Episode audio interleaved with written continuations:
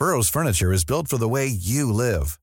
From ensuring easy assembly and disassembly to honoring highly requested new colors for their award-winning seating, they always have their customers in mind. Their modular seating is made out of durable materials to last and grow with you.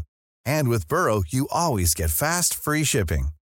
Get up to 60% off during Burrow's Memorial Day sale at burrow.com slash ACAST. That's burrow.com slash ACAST.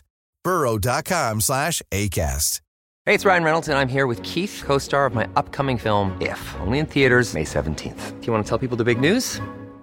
All right, I'll do. Sign up now and you'll get unlimited for $15 a month and six months of Paramount Plus Essential Plan on us. Mintmobile.com slash switch. Upfront payment of $45 equivalent to $15 per month. Unlimited over 40 gigabytes per month. Face lower speeds. Videos at 480p. Active Mint customers by 531.24 get six months of Paramount Plus Essential Plan. Auto renews after six months. Offer ends May 31st, 2024. Separate Paramount Plus registration required. Terms and conditions apply if rated PG. I'm Sandra, and I'm just the professional your small business was looking for. But you didn't hire me because you didn't use LinkedIn jobs. LinkedIn has professionals you can't find anywhere else, including those who aren't actively looking for a new job but might be open to the perfect role, like me.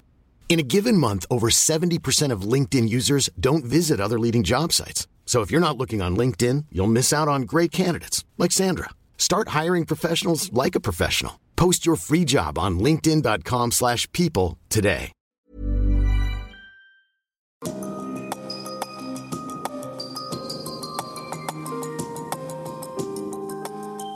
Du lytter til podkast fra Oslo Militære Samfunn.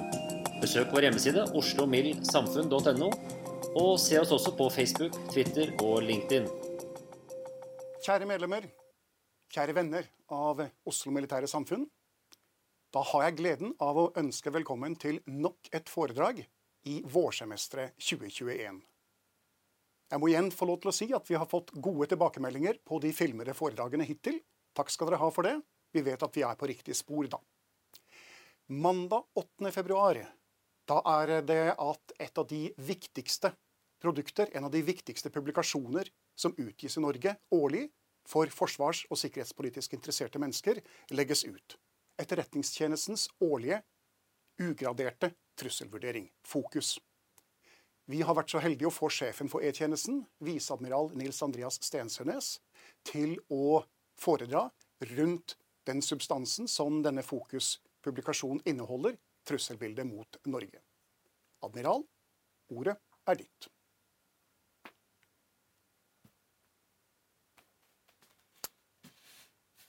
God dag.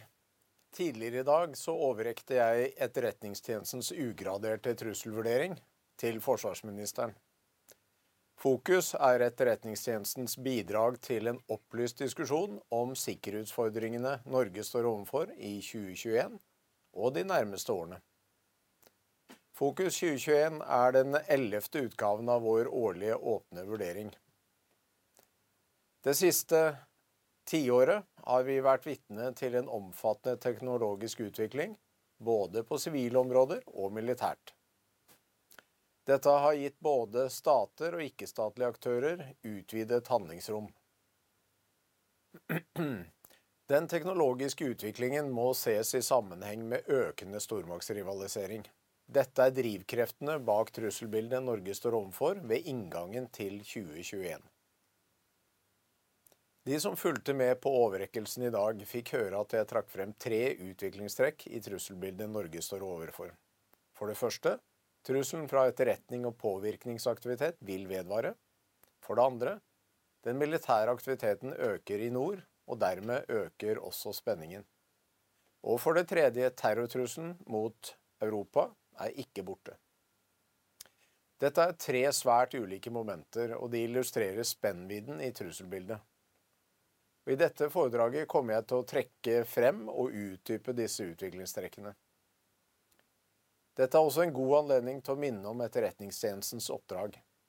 Som det står i vår nye lov om Etterretningstjenesten, vi skal bidra til å avdekke og motvirke trusler mot Norges selvstendighet og sikkerhet, og alvorlige trusler mot samfunnssikkerheten så det faller altså utenfor mitt oppdrag å trekke frem alle de mulighetene som den teknologiske og den politiske utviklingen representerer for Norge.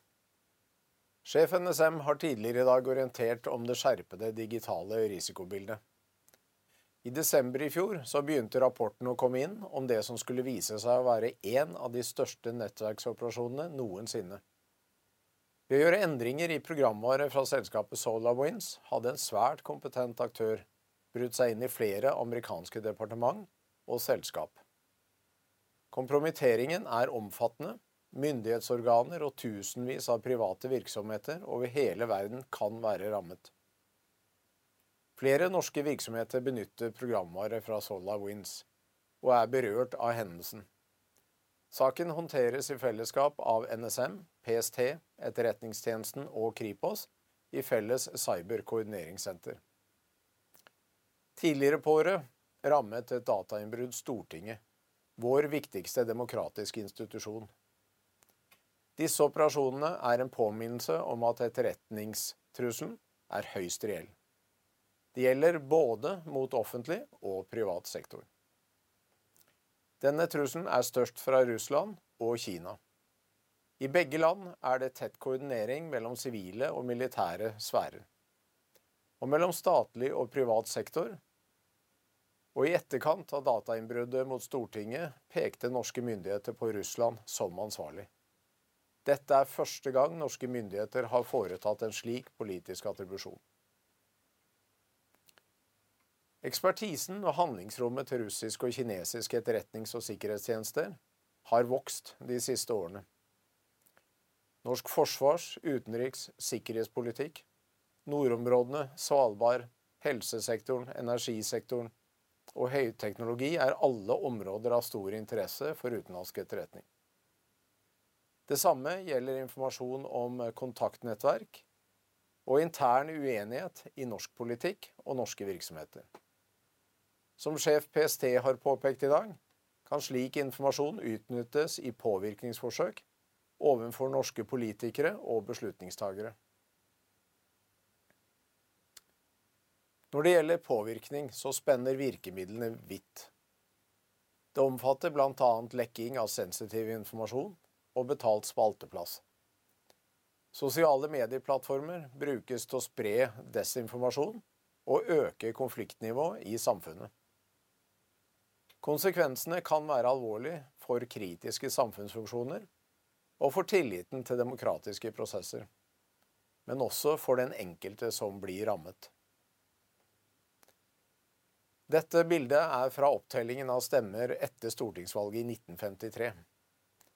Og siden den gang har det blitt eh, en mer kompleks oppgave å sikre at demokratiske prosesser går riktig for seg. Stortings- og sametingsvalget til høsten er et åpenbart tilfelle der Norge kan bli forsøkt utsatt for påvirkning. Og det er avgjørende at vi evner å oppdage eventuelle forsøk på innblanding. Og dette er et oppdrag vi prioriterer høyt dette året i samarbeid med Politiets sikkerhetstjeneste og Nasjonal sikkerhetsmyndighet. Russland har gjennomført eh, påvirkningsoperasjoner under både europeiske og amerikanske valg. Bl.a. gjennom nettverksoperasjoner, provokasjoner og spredning av desinformasjon. Men også Kina gjør fremstøt for å påvirke politiske prosesser i vestlige land.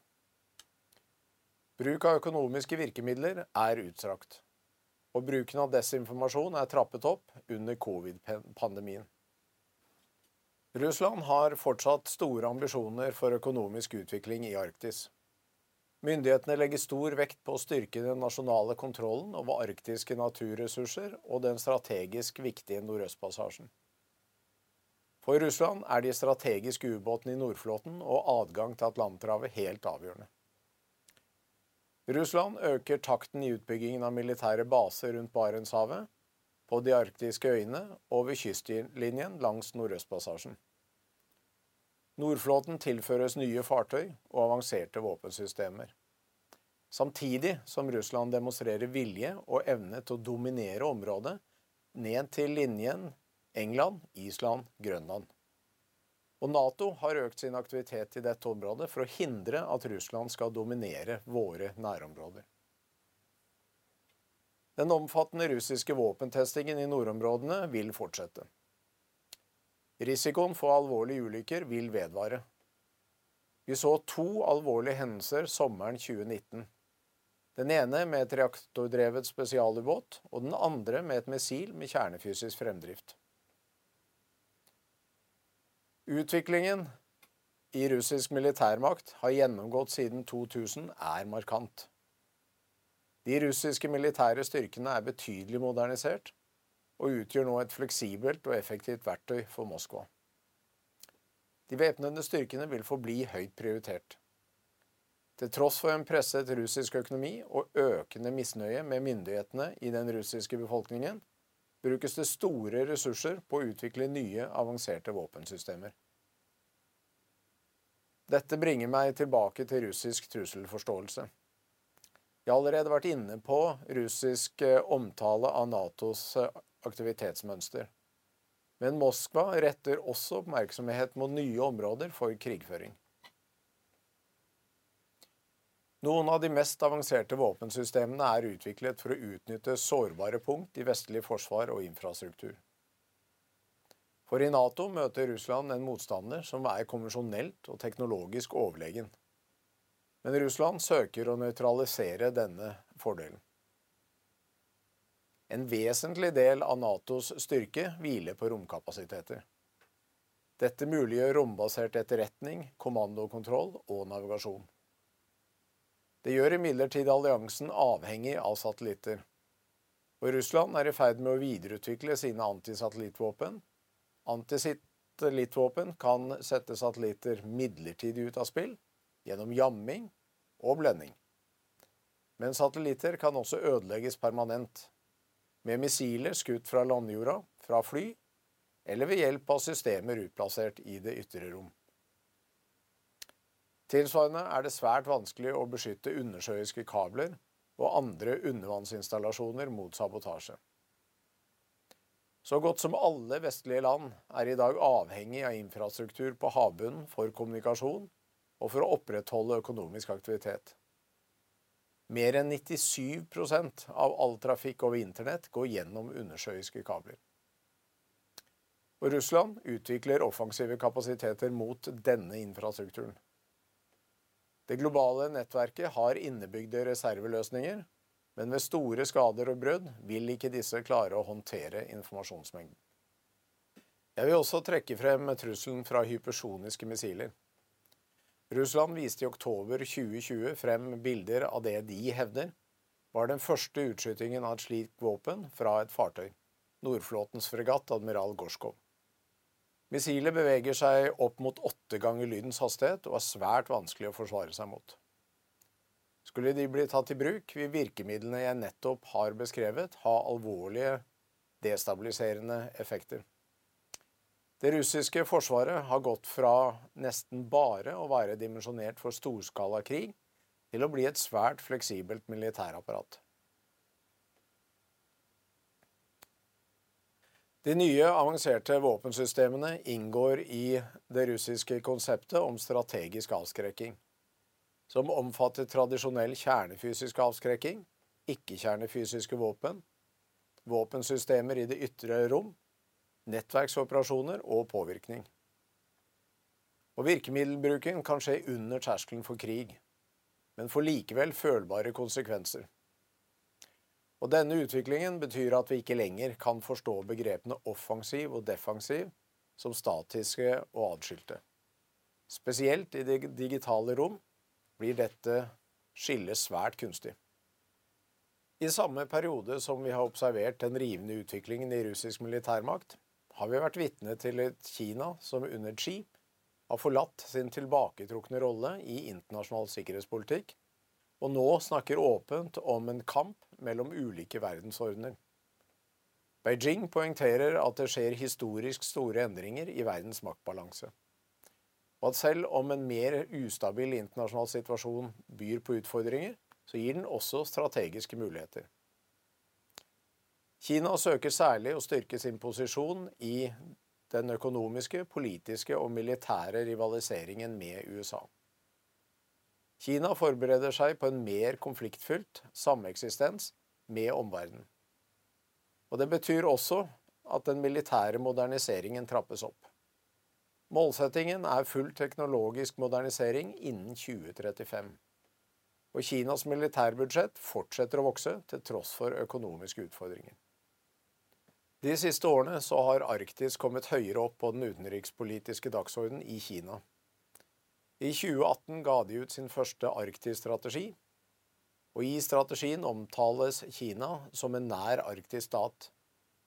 I tillegg beskrives ambisjonen om å etablere en polar silkevei ved å utvikle de arktiske sjørutene. Kina oppnådde milepæl i 2020 da deres nyeste og første egenproduserte isbryter, Xuelong 2, seilte i Arktis for første gang. Myndighetene styrker altså landets evne til å operere i regionen på egen hånd.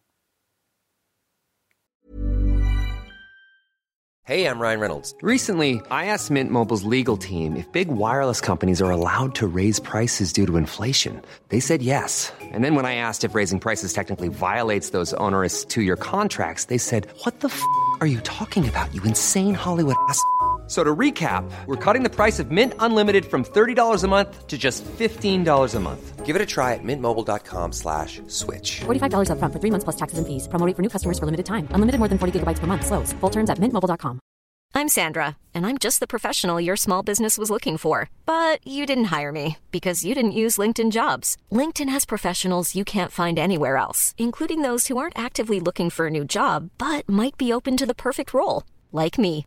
In a given month, over 70% of LinkedIn users don't visit other leading job sites. So if you're not looking on LinkedIn, you'll miss out on great candidates like Sandra. Start hiring professionals like a professional. Post your free job on linkedin.com/people today.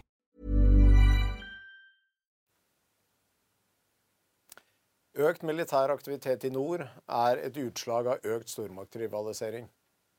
Og det må ses i sammenheng med at rustningskontroll, i likhet med internasjonalt samarbeid generelt, har blitt svekket. Nå har USA og Russland blitt enige om å forlenge nye start med fem år. Denne avtalen regulerer fortsatt størsteparten av verdens strategiske kjernevåpen. Like fullt har den teknologiske utviklingen gjort det mulig å utvikle våpen som ikke omfattes av de avtalene vi har. Vi er vitne til et våpenkappløp under oppseiling. Men vel så viktig som det teknologiske innholdet i rustningsavtalene, er at de bidrar til tillit mellom partene og tvinger frem åpenhet om hvilken kapasitet de besitter. En god ordning for inspeksjon og verifikasjon gjør at partene kan utveksle data og besøke hverandres militære baser, mens kommunikasjonskanaler og møteplasser sikrer åpen dialog og reduserer risikoen for misforståelser. Avtalene virker derfor stabiliserende, og de har hatt svært stor betydning for global sikkerhet. Avtalen om det åpne rom, eller Open Skies, har en slik funksjon. Den regulerer ikke våpenbeholdningen, men legger til rette for at nasjonalstater kan fly observasjonstokt over andre land. Dermed er den spesielt godt egnet til å fremme åpenhet om militær aktivitet. Muligheten til å samle inn bildemateriale hindrer misforståelser som kan føre til eskalering. USA trakk seg imidlertid fra avtalen i fjor, og Russland har uttalt at de har til hensikt å gjøre det samme. Avtalens fremtid er derfor usikker. Dersom stormaktene skal enes om et nytt, effektivt rustningskontrollregime, må de lage avtaler som speiler det nye sikkerhetspolitiske, militære og teknologiske virkeligheten. For det første så besitter USA og Russland svært ulike kapasiteter. Kina på sin side er ikke villig til å legge begrensninger på sin militære evne i sine nærområder. Men de mindre atommaktene er også en del av bildet. Iran har trappet opp atomprogrammet etter at USA trakk seg fra atomavtalen i 2018. For Teheran er forhandlinger med den nye Biden-administrasjonen den eneste realistiske løsningen på landets økonomiske krise. Nord-Korea fortsetter sin alenegang. Landet opprettholder kompetanse, forskning, produksjon, både innen missilprogrammet og de kjernefysiske programmene. Pyongyang ser kjernevåpen som sin overlevelses garanti, og derfor ser de ingen grunn til å redusere tempoet i utviklingen. Regimet kan i dag besitte titalls enklere kjernevåpen. Den koordinerte innsatsen for å bekjempe terrorisme har også lidd under stormaktsrivaliseringen. Etterretningstjenesten har tidligere beskrevet fragmenteringen av det internasjonale samarbeidet og farene det medfører. ISIL og Al Qaida er langt fra slått. I 2020 økte antall islamistiske terrorangrep i Vesten for første gang siden 2017. Karikaturstriden som blusset opp igjen i september i fjor, var én årsak. Sjefen for PST har i dag omtalt den økte spenningen som følger av handlinger som mange omfatter som krenkelser av islam. Samtidig har ISIL endret strategi og bygger seg opp utenfor sine kjerneområder i Syria og Irak, deriblant i Europas randsone. På kort sikt kommer terrortrusselen hovedsakelig fra individer og løst sammensatte nettverk med varierende grad av tilknytning til ISIL. I økende grad vil trusselen utgjøres av personer som er eh, løslatt etter å ha sonet terrordommer, eller personer som har omfavnet voldelig ekstremisme mens de har sittet i fengsel. I Europa øker også terrortrusselen fra høyreekstreme. Dagens voldelige høyreekstremisme er i økende grad transnasjonal. Lokale hendelser kan rekruttere og mobilisere internasjonalt, slik som Christchurch-angrepet i 2019. Det siste året har høyreekstrem propaganda blitt spredd til et voksende publikum, og radikaliseringen vil fortsette i 2021. Angrepet mot kongressbygningen i Washington DC blir brukt som et rekrutteringsplattform. Hendelsen i USA er for flere høyreekstreme i Europa et tegn på at det de tror er en kommende rasekrig i Vesten. Og når det gjelder internasjonal terrorisme, må vi altså leve videre med et sammensatt trusselbilde. Jeg har nevnt de islamistiske terrororganisasjonenes kjerneområder. Syria og Irak er land som må tåle noen av de kraftigste ringvirkningene av internasjonal rivalisering. Men også de regionale stormaktene opptrer mer selvhevdende. Dette er særlig tydelig i Midtøsten. Utviklingen illustrerer konsekvensene av stormaktrivalisering for internasjonal stabilitet. Det har dannet seg tre samarbeidsblokker i Midtøsten. Tyrkia utgjør den ene, de forente arabiske emirater, Egypt og Saudi-Arabia utgjør en annen, og Iran med sine allierte en tredje. Og det er særlig rivaliseringen mellom Tyrkia og arabiske stater som tiltar. Iran har, som jeg har nevnt, gradvis trappet opp atomprogrammet. For Teheran er forhandlinger med den nye amerikanske administrasjonen den eneste realistiske løsningen på landets økonomiske krise. Uten et diplomatisk gjennombrudd vil konflikten mellom de to kunne få enda større konsekvenser for regional stabilitet i 2021 enn i foregående år. Konfliktene i Syria, Libya, Jemen og Mali blir ikke løst i 2021. I Sahel og Vest-Afrika fortsetter statene å svekkes, og militant islamisme sprer seg.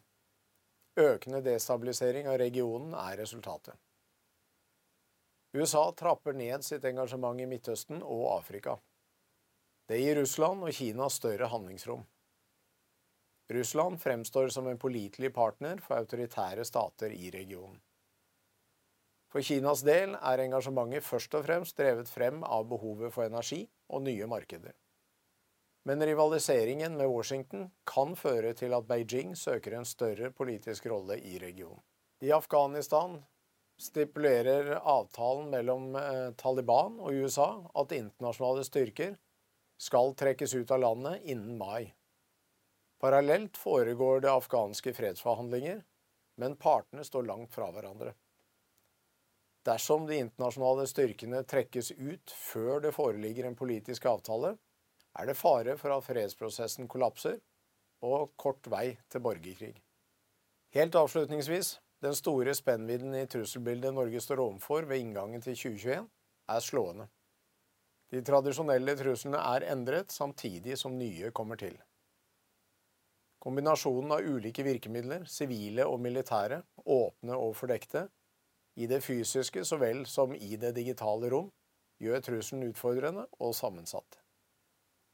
Stormaktenes militærmakt har fått større handlingsrom og blitt et mer anvendelig politisk instrument, også i fredstid.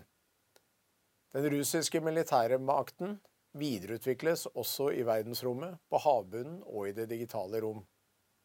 Målene det sikter seg inn på, er ikke bare militære, men omfatter også sivile funksjoner og strukturer. Og som de store nettverksangrepene i 2020 viste oss, er viljen til stede til å bruke virkemidler med alvorlige konsekvenser. Den sammensatte bruken av virkemidler gjør at skillet mellom å beskytte nasjonal suverenitet og territoriell integritet på den ene siden, og opprettholde vitale samfunnsfunksjoner på den andre, blir mindre tydelig. Statssikkerhet og samfunnssikkerhet må ses under ett.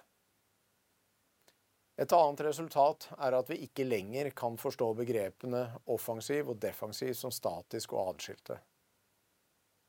Dagens sikkerhetspolitiske situasjon er en pågående konkurranse der stormaktene bruker virkemidler og søker å utnytte sine komparative fortrinn. Kontinuerlig. Det betyr at det å ivareta norske interesser går ut på å møte denne konkurransen på alle felt hvor den foregår. Takk for oppmerksomheten.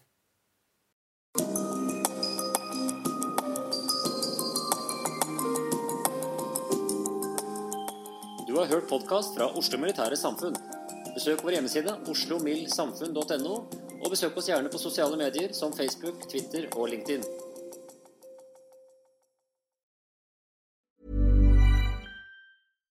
Mom deserves the best, and there's no better place to shop for Mother's Day than Whole Foods Market. They're your destination for unbeatable savings, from premium gifts to show-stopping flowers and irresistible desserts. Start by saving 33% with Prime on all body care and candles. Then get a 15-stem bunch of tulips for just $9.99 each with Prime. Round out Mom's menu with festive rosé, irresistible berry chantilly cake, and more special treats. Come celebrate Mother's Day at Whole Foods Market. Hey, it's Danny Pellegrino from Everything Iconic. Ready to upgrade your style game without blowing your budget? Check out Quince. They've got all the good stuff shirts and polos, activewear, and fine leather goods, all at 50 to 80% less than other high end brands. And the best part? They're all about safe, ethical, and responsible manufacturing. Get that luxury vibe without the luxury price tag. Hit up quince.com slash upgrade for free shipping and 365 day returns on your next order. That's quince.com slash upgrade. Hi, I'm Daniel, founder of Pretty Litter. Cats and cat owners deserve better than any old fashioned litter. That's why I teamed up with scientists and veterinarians to create Pretty Litter. Its innovative crystal formula has superior odor control and weighs up to 80% less than clay litter. Pretty Litter even monitors health by changing colors to help detect early signs of potential illness. It's the world's smartest kitty litter. Go to prettylitter.com and use code ACAST for 20% off your first order and a free cat toy. Terms and conditions apply. See site for details.